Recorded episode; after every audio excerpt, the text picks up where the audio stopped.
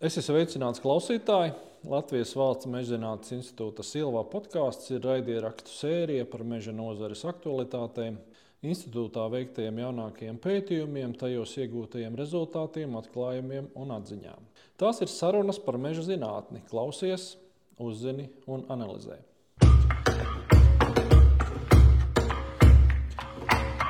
Šis ir pirmais raidījums, kurš ir šajā raidierakstu sērijā.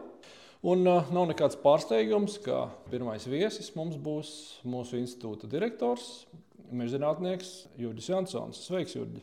Sveiks! Es domāju, ka šīs dienas pirmo raidījumu mēs varētu veidot par tādām vispārīgākām tēmām. Pieskarsimies jautājumiem par to, kā mēs zinātnieki šobrīd eh, komunicējam ar sabiedrību un eh, vispār par zinātnes nozīmi nozarē, jo mēs esam viena no tām retajām Eiropas valstīm, kur joprojām ir neatkarīgs meža zinātnes institūts. Jurģi, kā tu redzi šobrīd silavas vietu nozarē? Es joprojām cenšos sevi turēt un glabāt pārliecību, ka silava ir meža nozars institūcija, kā tas ir ierakstīts mūsu pamatdokumentā, jeb stratēģijā, ka mēs sevi redzam kā meža nozares institūciju ar savu īpatnēju resursu struktūru, jeb tā teikt, citiem vārdiem, cilvēku galvām, kas ir zinātnē galvenais resurss, ko mēs varam darbināt, lai radītu to produktu, kuru var pārdot, lai dabūtu naudu un samaksāt šo galvu nesātājiem, jeb cilvēkiem algas. Un mēs esam ar šo struktūru apmierināti. Mēs ceram, ka mēs bagātinām nozari. Ir eh, citi viedokļi kādreiz, ka Silava nav meža nozares sastāvdaļa, bet ir pasūtījuma izpildītājs, kā nereti mūs dēvē formālos līgumos. Bet svarīgi, lai šis eh, formālais ieraksts līgumā nenonāk arī tādā plašākā izpratnē, ka zinātnieks un zinātnisks institūts ir priekš tam, lai pildītu pasūtījumus, rakstītu pasūtījumu mūziku vai pasūtījumu dzēju vai pasūtījumu zinātni. Bet eh, nevis partners, kurš strādā šo piederības sajūtu mežģiniekiem un cenšas būt līdzdarbīgs, līdzatbildīgs par, par nozares veiksmēm, neveiksmēm, nākotni un tā tālāk. Tu diezgan pareizi pateici, ka Silva nav tāds pasīvs vērotājs, pasūtījuma izpildītājs, bet arī diezgan aktīvs spēlētājs, kurš cenšas šos nozares procesus izprast un arī veidot šo attieksmi pret nozari. Un, un mūsu, kā zinātnieku, komunikācija ir ļoti svarīga šajā jautājumā, un ir vairāki šie komunikācijas veidi, kur mēs diezgan aktīvi strādājam. Un, manuprāt, viens no veiksmīgākajiem ir šīs meža zinātnes dienas, kuru Silva organizē. Jā, tā ideja radās kaut kur apmēram 2012. gadā vai kaut kur ap to laiku. Pirmās eh, mežzinātnes dienas bija divu dienu pasākums ar apšņošanu. Mēģinājām tur ietvert visu, ko institūts dara, gan mežkopībā, gan selekcijā, gan fitopatoloģijā gan varbūt arī vidas jomā. Bija konkrēti zinātnieku tīsas uzstāšanās. Pēc tam jau tālāk jau šie pasākumi kļuva tematiski, kad viena diena tika veltīta konkrētam virzienam, un šobrīd jau, jau konkrētai virziena tēmai, kā nesen rudenī notikusi šī saruna ar, ar nozars cilvēkiem par novecojošu mežu lomu stiprinot viņu pārliecību, ka novecošanās kā process nav īpaši labs, kaut arī var būt interesants ne cilvēku sabiedrībā, ne mežā. Un uh, bija nu, vairāk kā 140 cilvēki. Viņi bija ļoti dažādi. Bija dažādi kalibri činovnieki un bija arī studenti. Tā tad ļoti plaša pārstāvniecība. E, un tiešām cilvēki bija gatavi stāvēt un klausīties, ko viņiem stāsta par šo jautājumu. Un es domāju, kāds tad ir tas motīvs viņiem braukt. Tad es izdomāju, ka kur notiek tā intelekta attīstība meža nozarē, viņi ir diezgan, manuprāt, sadrumstaloti šobrīd. Meža dienests strādā savā, tā teiksim, burbulī. Viņi interpretē dažādas jēdzienus, notikumus, procesus, strādā ar saviem cilvēkiem, administrācijas līmenis, skaidro, teiksim, mežzinim, kurš ir kaut kur uz vietas. Latvijas valsts mežos notiek precīzi tas pats. Meža departaments cenšas interpretēt, veicināt, veidot, rakstīt vēstules, atbildes vai skaidrot kaut ko. Nu, tad vēl dažādi citi iestādījumi Latvijā. Tāda vispārējā viedokļa nav. Otra lieta ir tā, ka ar precīziem vēstījumiem bieži vien politkorektuma dēļ cilvēki rīkojas kā ar karstu kartupeli. Viņi necenšas pateikt precīzu vēstījumu, bet mēģina kaut kā tā, lai viņiem nepārmestu. Varbūt tas ir tas, kas e, piesaista mūsu iniciatīvām, jo pagaidām visi vēstījumi no, no zinātniekiem, kur ir, viņi ir diezgan precīzi artikulēti, tēmēti, un e, cilvēki varbūt e, gaida šādu informācijas pasniegšanas veidu, kas atšķiras no normatīvā stila, kas atšķiras no, no rīkojumiem, no kaut kāda politkorektuma vai kaut kā tāda. Un tas ir iemesls, kādēļ viņi atbrauc. Es ceru, ka mums pietiks tēmas arī pēc jaunā gada, un šo formātu turpināsim. Viņš nav varbūt akmenī iecirsts vai, kā, kā saka, stagnējošs, nemainoties. Jo mainās gan cilvēki, kuri, kuri piedalās no mūsu puses, un mainās tie, kuri atbrauc. Tā kā mēs, mēs noteikti šo nozars komunikāciju turpināsim, jo viņi ir pārdzīvojusi laiku un izrādījusies interesanta. Jā, nu tā ir viena no mūsu priekšrocībām, ka mēs varam demonstrēt šos savus rezultātus un, un aizvest cilvēkus tiešām uz, uz mežu un parādīt tās kopsakarības, lai viņi redz viņas pašas savām acīm. Jo nu, nav noslēpums, ka lielai daļai sabiedrības zinātnieks joprojām asociējas ar, ar cilvēku, kurš baltā virsvārkā strādā laboratorijā. Protams, arī tādi zinātnieki mums ir silavā, bet tomēr tas lielākais uzsvers, protams, ir uz uz meža. Mums pēdējā laikā mēs nevaram sūdzēties, ka mums nebūtu jauno kolēģu, kas nāk mūsu institūtā, un, un, un ne tikai ar mežsaimniecisko izglītību. Mums pārsvarā šobrīd jaunieši nāk ne no Jelgavas universitātes, no citām universitātēm, un, es, un tas tikai parāda to, ka mums ir jābūt diezgan elastīgiem un jāprot strādāt un pārliecināt arī jaunatni no citām universitātēm. Kā tu redzi, kas varētu būt tas? Pievilcīgais, kas ļauj Silavai kā darba devējiem iegūt šos studentus, un vai tas ir svarīgi, ka mēs strādājam ne tikai zināmā mērā ne savas nozares robežās, bet aizpildām šo telpu arī ārpusē. Jā, tas jautājums par institūtu kā darba devēju. Institūts ir arī viens no lielākajiem, nu vismaz viņš ir pieciniekā, ja ne, ja ne četrniekā vai pat trīniekā meža nozarē attiecībā uz šo darba devēja statusu, kas piedāvā jauniem cilvēkiem veidot karjeru. Un, eh, kā jau tu minēji, jā, mežonieki institūtā ir, eh, ir mazākumā, gan zinātniskajā padomē, gan kolektīvā kopumā. Un tas rāda, ka dažādas specializācijas, kuras piedāvā nu, citas augstskolas, mums ir ļoti svarīgas. Tā ģenētika, vai mikrobioloģija, vai, vai kaut vai arī, arī zoologi, geogrāfi ir daudz vidas zinātnieki, kuri ienes šo komponentu, kas ir meža zinātnē nepieciešama. Tādēļ ir ļoti liela kļūda tiem cilvēkiem, kur uzskata, ka Silava ir kaut kādai vienai augstskolai piederīga vai kaut kādā burbulī vai mākonī liekama vai, vai sistēmā. Tas nekad nevar un nu, nedrīkst tā, tā notikt. Jo viena augstskola mums piedāvā savas kompetences, kuras nav citai, un mēs viņus visus savācam kopā un veidojam savu šo attīstību. Bet eh, tas, ka mums eh, ir šī citu jomu eh, darbinieku iesaiste, tā uzliek par pienākumu mums domāt arī par tā saucamo iekšējo komunikāciju. Par to, vai tiešām katrs silaus darbinieks var katram pretīmnācējam izstāstīt, kāpēc viņš eh, strādā. Nevis nu, lai nopelnītu naudu, bet eh, idejas meža institūtā un kāpēc eh, viņš strādā meža nozarē. Nu, ja reiz mūsu institūts strādā meža nozarē, ka viņš ir nevis pretējās pozīcijās vai biznesos, kas dzīvo uz saimnieciskās darbības noliegumu, bet kāpēc viņš ir tieši pie mums, un, un tas droši vien ir diezgan plašs darba lauks kas mums ir jāveic. Un paldies arī kolēģiem. Šajā reizē Ārim Jansonam, kurš nācis ar iniciatīvu, kad mēs rīkosim arī tematiskās piekdienas meža institūtā, vienkārši lai kolēģi, kur strādā citos virzienos vai labā nozīmē burbuļos, zinātu, ko dara citā stāvā vai citā spārnā. Un es ceru, ka jauniešiem būs mūsdienu aizņemtībā laiks eh, atnākt uz šīm piekdienām, paklausīties nedaudz un arī veidot to savu kopējo tēlu, būtību, kādu viņi nu, šajā mežonieku sabiedrībā arī strādā.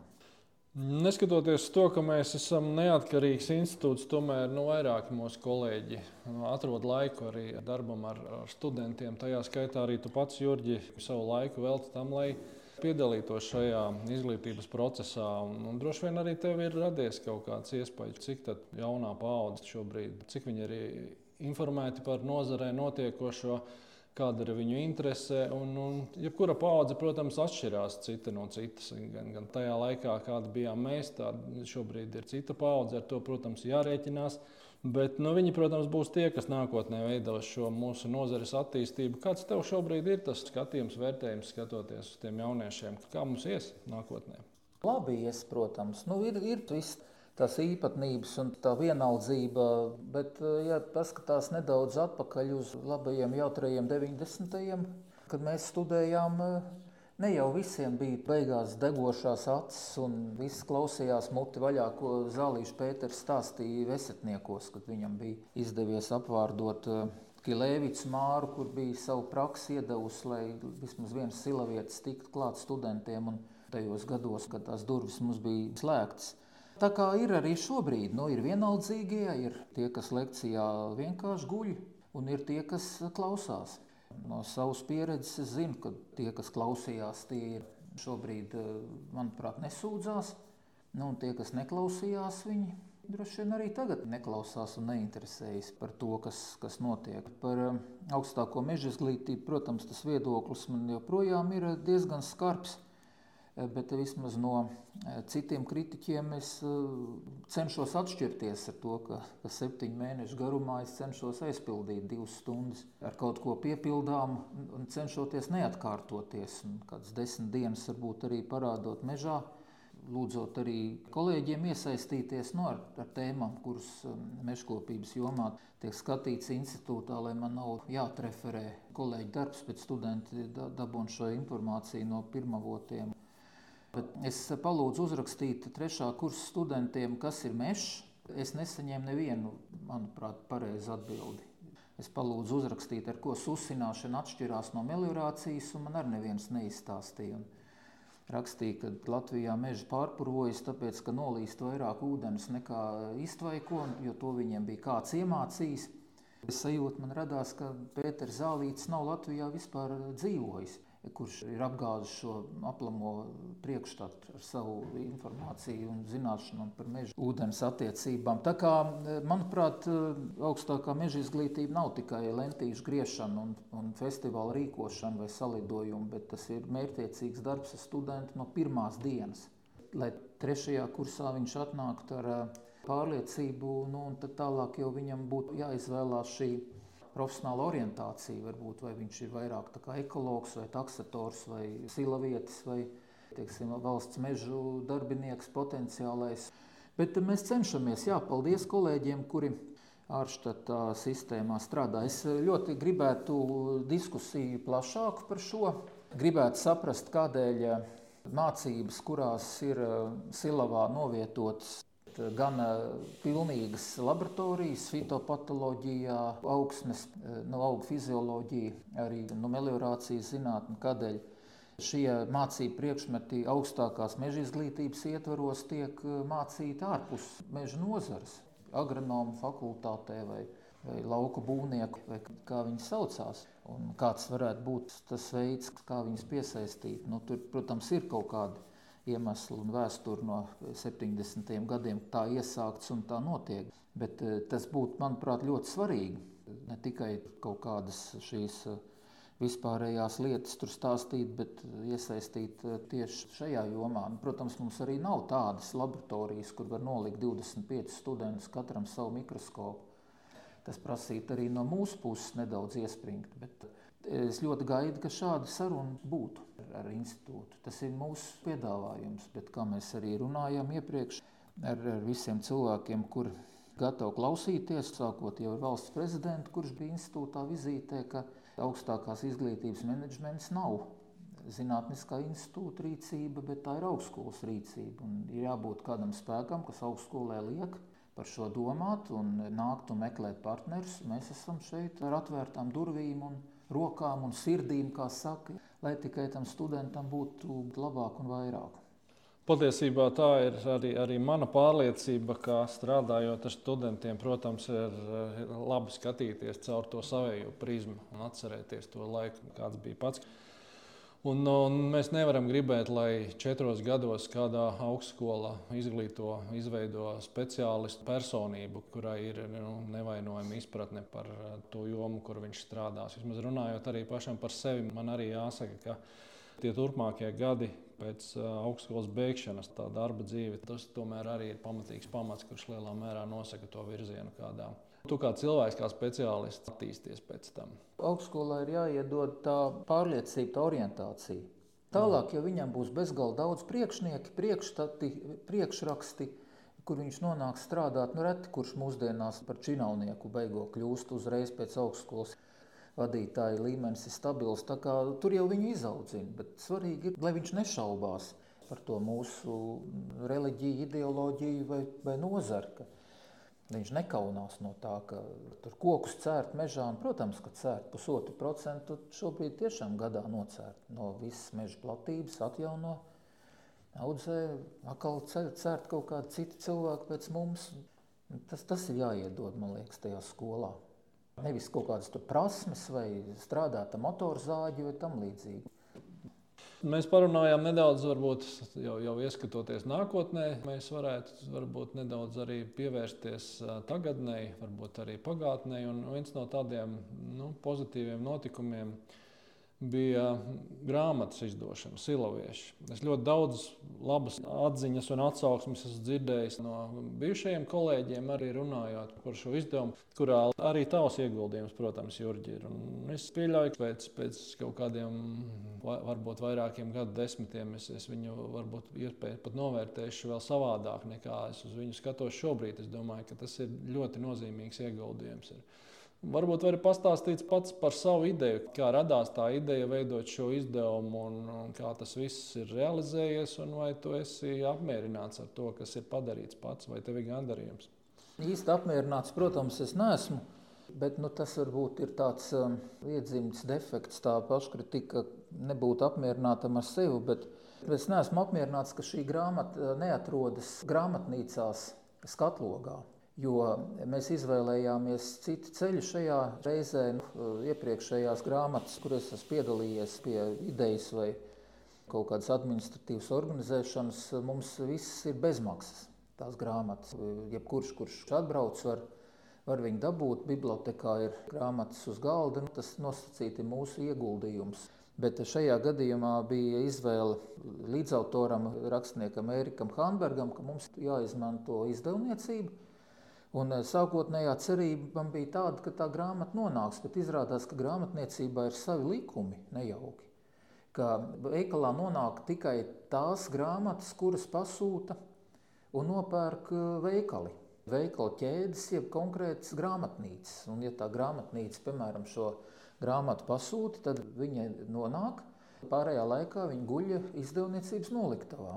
Un es eh, vairāk kārt esmu šajā izdevniecībā lūdzis, lai viņi dod tās grāmatas pavelti. Un tajā brīdī, kad iedzīvotāji ieraudzīs un nopirks, tajā brīdī grāmatnīca norēķināsies. Bet tad es sapratu, ka es jau nevaru tagad viens cilvēks mainīt visu grāmatniecības kārtību Latvijā.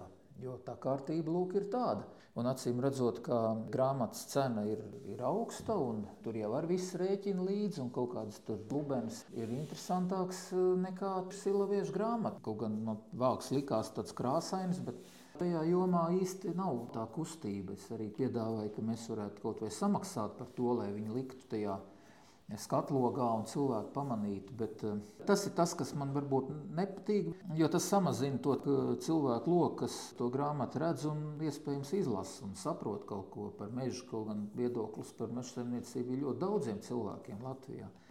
Mēs esam rakstījuši no zinātnieku skatu punkta par visiem aspektiem, sākot ar to, kā Valentīna Lazdāna jaunības dienās pētīja, kādas zāģu zobus rokzāģim vajag veidot līdz eh, molekulārai ģenētikai mūsdienās. Jā, nu risks jau ir šausmīgi liels. Rakstīt šādu grāmatu, pirmais risks ir kādu nepieminēt. Un es jau zinu vismaz 12, kur nav pieminēti cilvēku cienījami. Un, bet nu, es gāju to vieglāko ceļu, virzieniem bija jāsameklē. Nu, jāizveido to sarakstu, kas virzienā ir, kas darbojas un kas ir, ir darbojušies direktors, protams, kā līdzautors ir formāli vainīgs pie tā, ka kāds sev neatrod. Bet nu, mēs vienmēr sakām, ka nu, nākošajā grāmatā, kas būs uz simtgadu institūta, tad mēs sarakstīsim droši vien visus. Tad jau mēs uh, būsim varbūt rūpīgāki. Bet, uh, jā, ja tu saki, ka kāda atsauksme ir laba, tad jau bija vērts. Jā, es arī esmu saņēmis kādas sešas apmēram atsauksmes, pozitīvas. Atgādinu klausītājiem, ka šis ir mūsu pirmais raidieraksts mūsu Cielavas podkāstu sērijā. Šīs dienas tēma bija par institūta vietu nozarē, par to, kā institūta cilvēki komunicē ar sabiedrību. Es ļoti ceru, ka šis podkāsts, šī raidierakstu sērija būs vēl viens veiksmīgs veids, kā mums sarunāties ar cilvēkiem un, un nogādāt viņiem informāciju par to, kas notiek nozarē. Un, un meža zinātnē tajā skaitā. Šobrīd arī es teikšu tev, Jurģi, paldies par šo sarunu, ka tu atradi laiku un varbūt kādā no nākošajiem raidījumiem vēlreiz tiksimies. Šoreiz tu varbūt būsi zinātnieka lomā, ne tik daudz institūta vadītāja lomā, bet parunāsim varbūt par kādām no tām tēmām, kurās tu realizē savu zinātnieka potenciālu. Jā, cik nu ir atlicis vairs tas potenciāls, jo administratīvais darbs jau, protams, nokauj jebkuru radošumu. Jā, protams, mēs varam runāt par to, cik ir meža Latvijā un cik koki aug un kāpēc viņi kādreiz neaug un, un kas ir jādara, lai augtu labāk.